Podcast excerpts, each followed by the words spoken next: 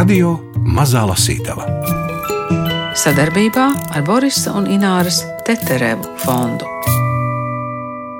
Tad jau Rīga mazliet pieder arī man, vai ne? Tas viss mazliet pieder arī tev, un kamēr tu to visu mīlēsi, tas arī paliks tavs. Tie ir pēdējie teikumi grāmatā Tantes ar klikšķiem Baltiešu stāsti. Turpinot atjaunot saikni ar Baltijas vāciešu kultūru, profesors Ojārs Spārītis šoreiz stāsta par Gizeles Natālijas Grādneres grāmatu Tantes ar klikšķiem - Baltiešu stāsti. Autorei kopumā ir piecas grāmatas, kurām visām ir autobiogrāfisks un dzimtas vēsturē sakņots saturs. Laikmetu un situācijas viņa raksturo ar īpašu humoru un izcilām novērošanas spējām. Ja atceraties, tad iepriekš Ojārs Spārītis iepazīstināja ar Dagmāras Kopštāles dienas grāmatu. Dagmāras eh, Kopštāles dienas grāmatas gadījumā tas bija tāds pusaugu meitenes skatījums uz visu to, kas eh, noris eh, Rīgā un citur. Šī gadījumā Arī tas ir meitenes skatījums, un arī tāds um, nu, diezgan jāstras skatījums, vai ne? Bet meitenes taču ir jāstras. Nu, jā, jā, jā, bet nu, mēs iedomājamies labi audzināts jaunkundas, kuras spēlē klavieres un mazliet glezno un raksta dzēju, bet šī gadījumā nu, Gizela Natālija Grādnere ir uzrakstījusi tieši tā kā rakstīts uz vāka, humoru pilnu skatījumu uz 20. gadsimta sākuma sadzīvi. Bet viņa to darīja jau savos brieduma gados. Ar atskatu. Un, ar atskatu un, ziniet, tas ir ļoti neparasts skatījuma un mākslas redzējuma veids, kurš varbūt savā veidā nu, ir raksturīgs tiem māksliniekiem, gleznotājiem, kuri spēj ar pieauguša cilvēka varbūt rafinētību un augstskolas diplomu mēģināt radīt, saka, kaut ko līdzīgu tādam infantīli naivam, bērnišķīgam, bet nekādā veidā ne banālam redzējumam. Un caur šo bērna pusauģa skatījumu uz pieaugušā cilvēka dzīvi, atklājās tik daudz šo komisko situāciju, jo pieaugušie cilvēki dažkārt ar bērna acīm lūkojoties, uzvedās muļķīgi, un ja ne muļķīgi, tad smieklīgi gan. Un šajā pusauģu bērna un, un pieaugušā cilvēka dialogos un situācijās atklājās tāds zemteksts, tādi kultūras slāņi, tādi sociālās, kā saka, uzvedības modeļi, par kuriem, protams, ka mums savā veidā nav bijis nejausmas, jo ne katrs mēs esam varējuši pietuvoties aristokrātu ģimenei, ne katrs mēs esam varējuši būt pēctecīgi labi situētu ģimeņu, kā teikt, pārstāvji, nu, kuros ģimenē vismaz runā četrās vai piecās valodās, kur ģimene regulāri var ceļot uz ārzemēm vai baudīt kaut ko pavisam tādu ekskluzīvu, un beigu beigās jāpasaka, ka ekskluzivitāte, protams, ir privilēģija, ja to prasmīgi izmanto. Bet šai ģimenei ir arī piedzīvots skarbi mirkļi, jo līdz 1920. gadam Natālijas Grādneres vecāki atrodas Padomju Krievijā, kurā ir notikusi bolševiku revolūcija. Un, ja šai ģimenei nebūtu bijušas krājumā Faberžē olas, kas šodien antikvārijos tirgos maksā miljonus, nu tad viņi nebūtu varējuši arī no padomju bolševiku, kā saka, muitniekiem un ierēģiem atpirkties, kas ir ļāvuši arī viņiem, kā teikt, pārbeigt pāri robežai un patvērties Rietumē Eiropā. Tātad padomi ierēģi arī bijuši ir korumpējami vai, kā saka, nopērkami. Nu, dīvaini vai ne? Bet, bet cilvēki glāba savu dzīvību, kā varēdami, kā mācēdami, un labi, ka viņiem bija ar ko glābt savu dzīvību. No vācu valodas Gizeles Natālijas Grādneres tantes ar klikšķiem tulkojusi Ingūna Motte, izdevusi Jumava. Grāmatai dots apakšvirsraksts humora pilns skatījums uz 20. gadsimta sākuma sadzīvi. Lasa Gunārs Tāboliņš. Bet te nav teiks, no kuras vietas. Nu, labi, tad atkal Rīgā, sastā nodaļa. Vienu dienu, kad atnāca mājās no skolas, mūsu mājā bija ielauzusies labklājība. Dzīvojamā istabā stāvēja klavieres. Mamuška staroja kā prīmula podiņš, bet es sataisīju tādu ģīmi, it kā būtu aplieta ar augstu ūdeni. Gadiem ilgi man bija jāiet pie tantes Dorotējas, lai vingrinātos ar viņas klavierēm, jo pašiem mums klavieru nebija. Bet mazām, labi audzinātām meitenēm ir jāņem klavieru stundas, vai viņas to grib vai ne. Tā kā tante Doroteja parasti aizgāja prom, lai viņai nav mani jāklausās, es varēju etīžu vietā uzspēlēt vīnas valsi vai paspēlēties ar tantes Dorotejas suni. Mamuškai pat prātā nenāktu atstāt mani vienu, viņa mani uzraudzītu ar argusa. Argus ir tēls no grieķu mitoloģijas, viņam ir simt acu. Ar argusa acīm un lūša ausīm, vai es pareizi vingrinos, jo galu galā viņa gribēja ar mani lepoties. Nu, vai tad tu jau nepriecājies? Viņa jautāja, uz ko es atbildēju. Es domāju, ka violas spēlēšana man iet vairāk pie sirds nekā klavieru spēle. Violas skolotājs nenāca uz mājām, vajadzēja iet pie viņa, ja gribēja ņemt stundas, un tas man rādījās labāk. Tu esi izlaista un nepateicīga, teica mamuška, bet šo teikumu es jau bieži biju dzirdējusi, un tas mani nemaz vairs neiespaidoja. Gadiem ilgi es vēlējos sev gaisīgu, kuplu zvaniņu kleitu, bet dabūju tikai samta vai matrožu kleitas vai vēl lina kleitas. Ja es par tām rādīju garu ģīmi, tas vienmēr nozīmēja nepateicību. Kad papuškā atnāca mājās, viņš man šo to uzspēlēja, par ko es biju sajūsmā, jo nemaz nezināju, ka tēvs tik labi prot spēlēt klavierus. Kad es biju izsūtījumā, tad katru dienu stundām ilgi vingrinājos klavieru spēlē, teica papuška. Nebija jau daudz ko darīt to visu mīļo garo dienu. Nu, tu drīksti sev nopirkt arī jungmēdeļu formas svārkus un Berchtesgādenes tautas stērpu jaku, sacīja mamuška. Līdz šim es savu formas blūzi bāzu iekšā ieloču svārkos. Jungmēdeļu organizācija bija Hitlerjugend atzars, kurā uzņēma meitenes no 10 līdz 14 gadu vecumam. Vai tu esi vinnējis loterijā? Es prasīju papuškam. Bet tā nebija nauda, viņš pats bija godīgi nopelnījis. Viens bagāts vīrs bija atnācis pie papuškas, jo viņam vajadzēja āriskos pierādījumus. Viņa tēvs ebrejs patiesībā nav bijis viņa tēvs, tikai māte ar viņu bija apprecējusies. Šāda dzeguzes bērna dēļ man tagad mājās būs jāspēlē klavieres. Iepriecinoša bija ziņa, ka mums tagad ir tik daudz naudas, ka varēsim vasaras atvaļinājumā aizbraukt pie vecmāmiņas uz Rīgu. Plūdumālis, smiltis, saules, saldējums un zemenes. Un tad vēl pati vecmāmiņa kur man vienmēr lutināja. Es biju laimīga. Mēs braucām ar vilcienu līdz Štetinai, tagad ir Polijas pilsēta Šķecina. No turienes ar kuģi Regīna uz Rīgu. Mēs vienmēr sēdējām pie kuģa kapteiņa galda, jo mēs viņu pazinām jau gadiem, un katru dienu tur bija tik labs ēdiens, kā citādi mums tikai svētdienās. Uzkodas, otrais ēdiens, saldais ēdiens, no kā mēs katrs tikām pie sava iemīļotā. Mamuška apmierināja kāri uz gaļas ēdieniem, bet es un papuška kaisli uz saldēdieniem. Tā kā tur bija arī bagātīgs dzērienu klāsts, mamuška vienmēr bija priecīga un pacilāta, ka aizmirsa mani jau astoņos sūtīt uz gultu. Man tikai bija jālūdzas, lai nenāktu vētra, jo tad man piemetās briesmīga jūras slimība, un tikai mamuška palika vesela un varēja ēst un dzert par visiem, bet man tas gāja secen. Rīgā mums bija jāiet cauri muitu, bet ieceļojot tas nebija uztraucoši, jo mums jau nebija nekā ko muitot. Toties atpakaļ ceļā man piemetās sirds klauvis, jo es zināju, ka mamuška vienmēr paņēma kaut ko līdzi, ko mēs nedrīkstētu ņemt.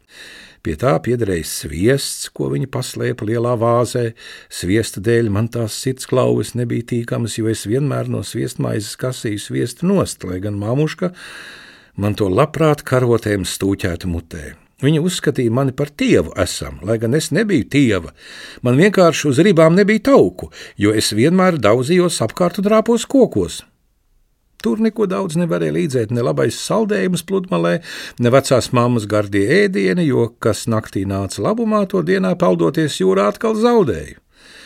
Vecā māma mūs gaidīja savā Rīgas dzīvoklī, un tiklīdz mēs izkāpām no droškas, viņa steidzās mums pretī, ieskāva mani rokās un teica: Es jau gandrīz biju aizmirsusi, ka man ir tik glīta mazmeita.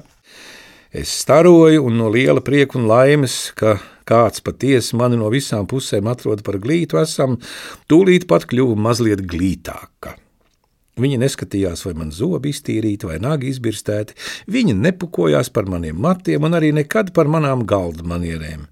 Viņai arī nebija nekāda iemesla, jo tā kā viņa mani uzskatīja par brīnišķīgu, es darīju visu, lai šī pārliecība tāda arī paliktu.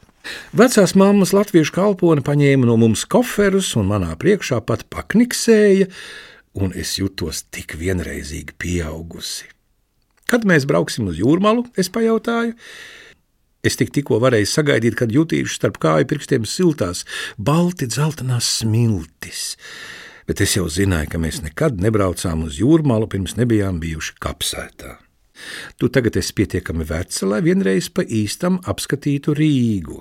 Pludmālē un jūrā nekur nepazudīs, atteica papuška. To mēs arī trīs nākamās dienas darījām un papuška man visu izskaidroja. Pie lielākajām baznīcas celtnēm, ko 13. gadsimta pirmajā pusē Vācu ordenis uzcēla uz Baltiešu zemes, piederēja Dorpatas, Tartu domas. Bet Rīgas domas arī bija ievērības cienīgs. Kad mēs stāvējām vidusjomā un skatījāmies augšā uz ērģelēm, es pati sev šķitu pavisam mazu, jo tik lielu baznīcu vēl nekad nebiju redzējusi. Man bija sajūta, ka tā man ir viena numura par lielu, lai es tur varētu lūgties. Neko daudz citādāk man negāja arī Svētā Pētera baznīcā un Svētā Jāņa baznīcā. Papuška centās man izskaidrot Ziemeļvācijas arhitektūras pievilcību ar tās skopumu un tīrību formās, un es to lieliskumu varēju arī sajust, bet pasargātāka jutos mazajās Krievu baznīciņās vai arī citās mazajās luterāņu baznīcās, kādas cēla ciemos. Tad mēs apmeklējām pulveru torni – kas man spēcīgi iespaidoja, jo es iztēlojos, cik daudz pulvera varēja tajās sajiet iekšā, kā arī melngalvju nāmu rātslaukumā. Tie melngalvi bija neprecētu vācu tirgotāju apvienība, kuri svētā Maurīcija galvu ielika savā ģērbonī.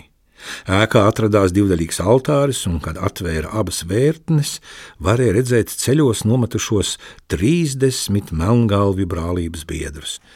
Viņus sargāja Marija un Jānis Kristītājs, un es prasīju papuškam, vai tad ir nepieciešams īpaši sargāt neprecējušos vīriešus.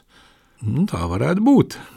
Mazliet smaidot, viņš teica, man, protams, bija skaidrs, ka vīrietis bez sievietes bija ļoti apdraudēts, jo kas tad viņam gatavotu ēst un mazgātu kreklus, un neprecētam vīrietim kā ērglim Vajadzēja uzpasēt savu naudas maku, jo, ja tik tajā bija kas iekšā, sievietes bija traks pēc viņa. To man stāstīja Illa, kurai bija viens tāds onkulis.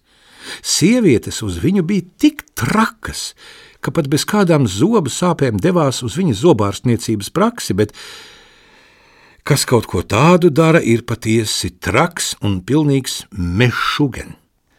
Mešugen jidišā nozīmē tādu, kas nav pie pilna prāta. Skaties te, pēlē! Papuška novērs uzmanību, kad viņš jūta, ka neprecētie ceļos nometušies melngalvi spārnojuši mani ar fantastisku domu lidojumu, jo tad parasti sekoja 50 jautājumu, uz kuriem pieaugušajiem bija grūti atbildēt. Pretstatā mamuškai, kura vienkārši teica, lai ar saviem jautājumiem neborēja viņai vēdrā caurumus, papuška novirzīja uzmanību, kas viņam arī vienmēr izdevās. Patiešām es no brīnumiem gandrīz varētu slotas, kā tāpēc nu dienu Glaznojumā pie abateses Gertraudas un Nivellas kājām bija pēle. Pēc Melngalvju nama mēs vēl gājām uz muzeju un apskatījām skaisto Anselma Fajerbacha gleznu noņemšanu no krusta. Izskatās tā, ka tie ļaudis, kuri ir priekšplānā, neliekas nezinis par to, kas notiek aizmugurē. Es teicu, un papuška sacīja, ka glaznotājs varbūt gribējis parādīt, ka cilvēki mēdz nesvarīgas lietas pieņemt par svarīgām, bet tieši viņš nezinot. Es pamazām noguru. Es zinu tikai vienu, ka mans vēders jau pie mugurkaula pieaudzis. Man steidzami vajadzīgs vaniļas saldējums. Tad nu, mēs ņēmām drošku un likām braukt uz kafejnīcu, kurā es savā garajā dzīvē pirmo reizi drīkstēju dzert īstu kafiju. Papuška un mamuška dzēra kafiju, bet tā nesot maziem bērniem. Es to dabūju tik atšķaidītu ar pienu, ka tā vairs bija tikai pļura. Mazliet vairāk piena manā kafijā mamuška ielēja arī šoreiz, bet tā tomēr vēl bija kafija. Un ar cukuru tā bija garda. Lai gan papuškam kaut kas bija ar žulti, mani vecāki vienmēr dzēra kafiju, kurā karota gandrīz stāvus stāvēja. Priekšpusdienās un vakaros parasti bija čaja, bet pēcpusdienās abiem bija vajadzīga kafija. Vasarās, kad papuška bija dārzā, viņš tā ap trījiem sauca Marfā, un viņam tūlīt atbildēja: Jau uzliku! Māmuška dzēra savu kafiju ļoti karstu, jo viņa domāja, ka kafijai un skūpstam ir jābūt karstiem. Bet tas jau bija tikai tāds teiciens. Ar karstu kafiju varēja apdedzināt mēli, un ar karstu skūpstu varētu iziet līdzīgi. Nu, paldies, es pie sevis nodomāju, ka bez abiem var labi iztikt. Kad mēs bijām iestiprinājušies, devāmies uz kapsētu. Man patīk kapsētas, jo tur es vienmēr jūtos ļoti dzīvelīga un labprāt lasu, kas rakstīts uz kapu plāksnēm. Mamuška palika stāvot pie visiem kapiem, kur atdusējās kāds, ko viņa pazinusi, pārkrustījās un aizvēra acis. Man vienmēr gribējās viņai pavaicāt, ko viņa pie sevis lūdzas, bet kaut kā neuzdrošinājos. Es arī aizvēru acis un bubināju kaut ko, kas man tajā brīdī ienāca prātā, vai ko uzskatīju par atbilstošu esam. Pie vectēva kapa ar to nebija nekāda problēma, jo tur man vajadzēja pateikties par savu papušku, kā arī es cerēju, ka manas dienasčās lūkšanas viņam palīdz debesīs. Pie briljantu kapa, kur abedīta babuškas draudzene, es pateicos par dārglietām, kuras viņa paglāba no bolševikiem, bet pie tantes malū kapa vēlēja debesīs tik daudz prieka, cik viņai bijis šeit lejā.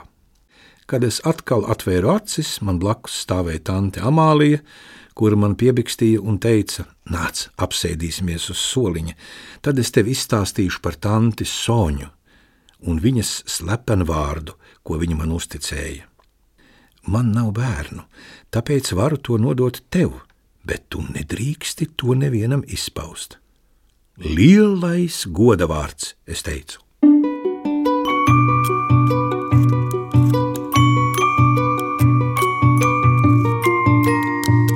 Radio Mazā Lasītava. Viena epizode bija bezgalīgi interesanta par to onkoli, kurš dzimtas koku veidoja pavisam eh, dīvainā veidā. Viņš veidoja dzimtas koku katram radiniekam piešķirot noteiktu augu, un iestādot. Mm, jā, bet jums te ir tāds diezgan klasisks dzimtas koks eh, grāmatas sākumā. Jā, tas ir brīnišķīgi, jo šo dzimtas koku atsūtīja Natālijas Grādneres dēls. Un, eh, acīm redzot, viņu ģimenē tas eh, ir kā tāds skaists pergaments, vai nu kā teikt, atlokāms un, un, un izlasāms, bet veidots tā, lai varētu tomēr visa dzimta gan lepoties ar saviem senčiem, gan redzēt, kur viņa ir cēlusies un kur viņa iet. Un šī kokā zaļie zari saista cariskās Krievijas aristokrātijas kultūru ar Vācijas izcelsmes zariem, kas beigu beigās nonākot, kā teikt, tuvu Baltijas robežām, vēl cariskās Krievijas laikā, dod iespēju satikties Natālijas Gizelas Grādneres vecākiem, kur pa tēva līniju mums ir Baltijas vācu mužniecība, bet pa mātes līniju mūsos ienāk, kā teikt, jā, dažādi krievu aristokrāti, kuros ir pat uzskatām tāda baņķieru un tirgotāju liela ģimene kā Mališevi, kur var ieraudzīt, ka šeit ir eh, aristokrāti Kiseļovi, ka šeit ir pazīstami pat aiziet tālāk um, dzimtas sakari līdz pat tatāru, kā saka, augstmaņiem, un, un tajos var ieraudzīt kādu dēku, kas ir beigusies pozitīvi tikai tāpēc, vien, ka precinieks ir izrādījies no attiecīga slāņa, un tas nav ticis novērtēts par zemu, bet kā pieņemams. Un mēs arī tādā veidā spējam saprast, ka Krievijas aristokrātija un Krievijas mentalitāte, par kuru mēs uzdodam jautājumus šodien, Krievijas-Ukrainas kara laikā, nav tikai vien slāviska, bet viņa ir cementējusies ļoti īpatnējā tautu mentalitāšu un kultūru sajaukumā. Un tāpēc viņa viņai var izpausties dažu brīdi kaut kas aziātisks. Kaut kas var izpausties eiropisks, kaut kas var izpausties slāvisks, un tajā mēdz būt ļoti daudz dažādu pretrunīgu momentu. Gizela Natālija Grādnere, Tantes ar klikšķiem, Baltiešu stāstu. Nākamajā rītā Viņa devās pie onkuļa Tobijasa un pulksten pusdesmitos zvanīja pie viņa dzīvokļa durvīm tieši tajā brīdī, kad viņš taisījās izbaudīt savu brokastu olu. Bija vien jāver durvis vaļā, bet viņš to darīja pavisam lēni. Labrīt, es kādreiz gāju te garām, vai negribi mani ielaist? Sveicināja Nora. Apžēliņa, labrīt! Ko tad tu tik agri dari uz ielas, un par ko man tāds gods? Es kā reiz brokastoju. Iedvien mierīgi tālāk, teica Nora. Ja ir palikusi pāri kafija, iedzeršu tasi kopā ar tevi. Viņa ienāca dzīvojamā istabā un mēģināja aplūkot balkonu, bet caur aizkariem neko nevarēja saskatīt. Onkulis Tobijas atkal apsēdās, bet apetīte viņam bija pārgājusi. Viņa brālis varēja Noras klātbūtnē ēst, citādi jau būtu izbadējies, bet viņš gan ne. Vai nu Nora kaut ko jautāja, un tad viņš ar pilnu muti nevarēja atbildēt, vai nu runāja tik daudz, ka viņš nevarēja mierīgi ēst, jo vēlējās koncentrēties uz savu ēdienu, nevis Noras runām. Viņš tomēr bija pieklājīgs vīrs, un tāpēc ēda tik labi, cik spēja, bet no brokastu olas nekāda prieka nebija. Veriņi. Kad mēs abi ēdām savu brokastu oliņu, nekad nerunājām, jo vienkārši, kad ēdu oliņu, tad nerunā. Tu to labi zināji, es arī, cik mums gan bija labi. Onkulis Tobijas mazliet novaidējās un jautājoši paskatījās uz savu švāģerieni. Runā, ka tu uz balkona izaudzējis vis kaut kādus tur augus, bet tas jau nav īstais apzīmējums ģimenes koka pētniecībai ieminējās Nora. Kāpēc ne? atteica onkulis Tobijas. Es skatos un novēroju, kādi jūs visi esat.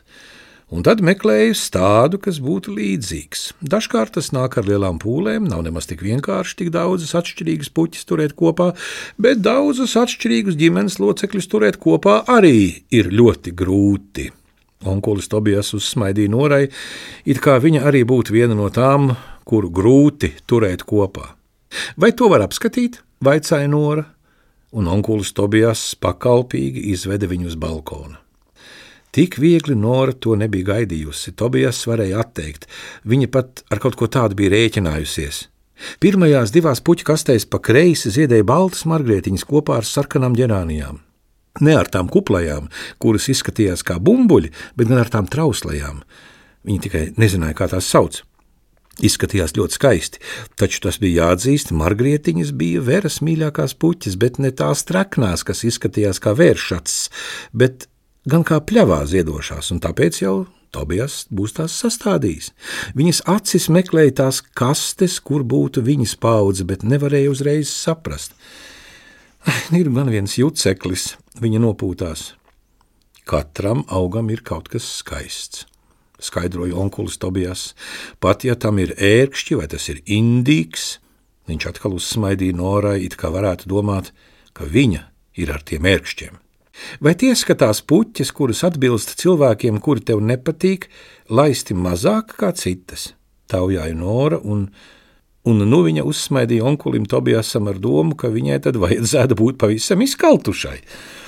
Apžēliņi, kādas muļķības tur runām teica onkulis Tobijas. Es taču neļaušu nevienam augam nokalst. Turklāt man patīk visi cilvēki. Nu, nu jā, nu, gandrīz visi. Nora uzlika brilles un aizgāja pie trešās kastes. Te tā bija viņas paudzes kaste. Pie katra auga vai puķis bija pieliktas divas mazas plāksnītes.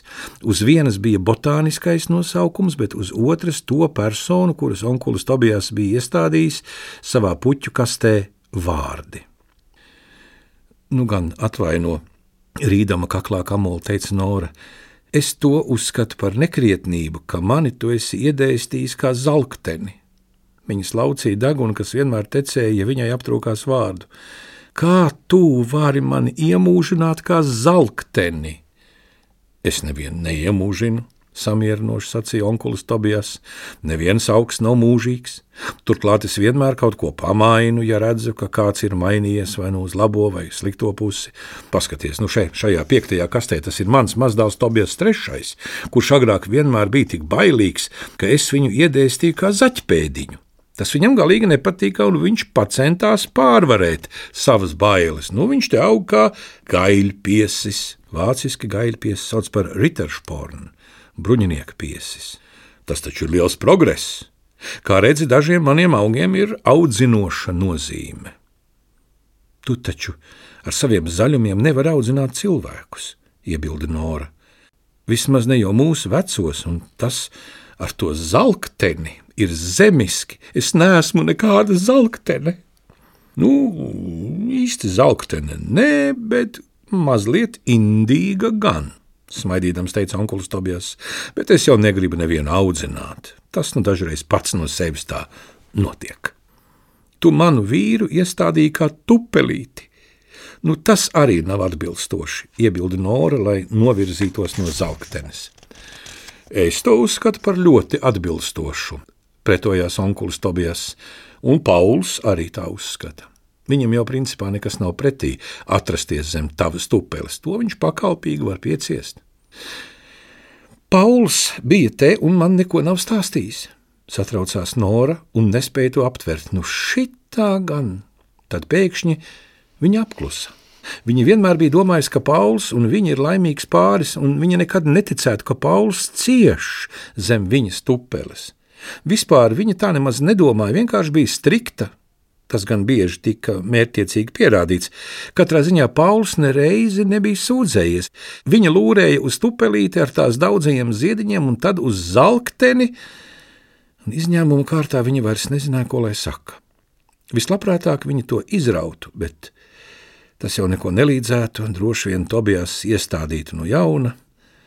Tad viņi ieraudzīja Dolliju kā tīģeru liliju, Tas arī nebija glaimojoši, bet katrā ziņā labāk Lilija nekā čūska. Labi gan, ka Tobijasam nav daudz ciemiņu, kuri noteikti par viņu smietos, bet Paulam justu līdzi. Kas zina, kurš vēl bez Paula te ir jau bijis un neko nav teicis? Noteikti tikai vīrieši tie jau turas kopā. Anete auga kā raudene, tas lieliski atbilda un klāra kā vistene. Tas man tūlīt jāpastāsta Petulai, nodomāja Nora, un priecājās, kā arī citiem ir nepatīkamas īpašības.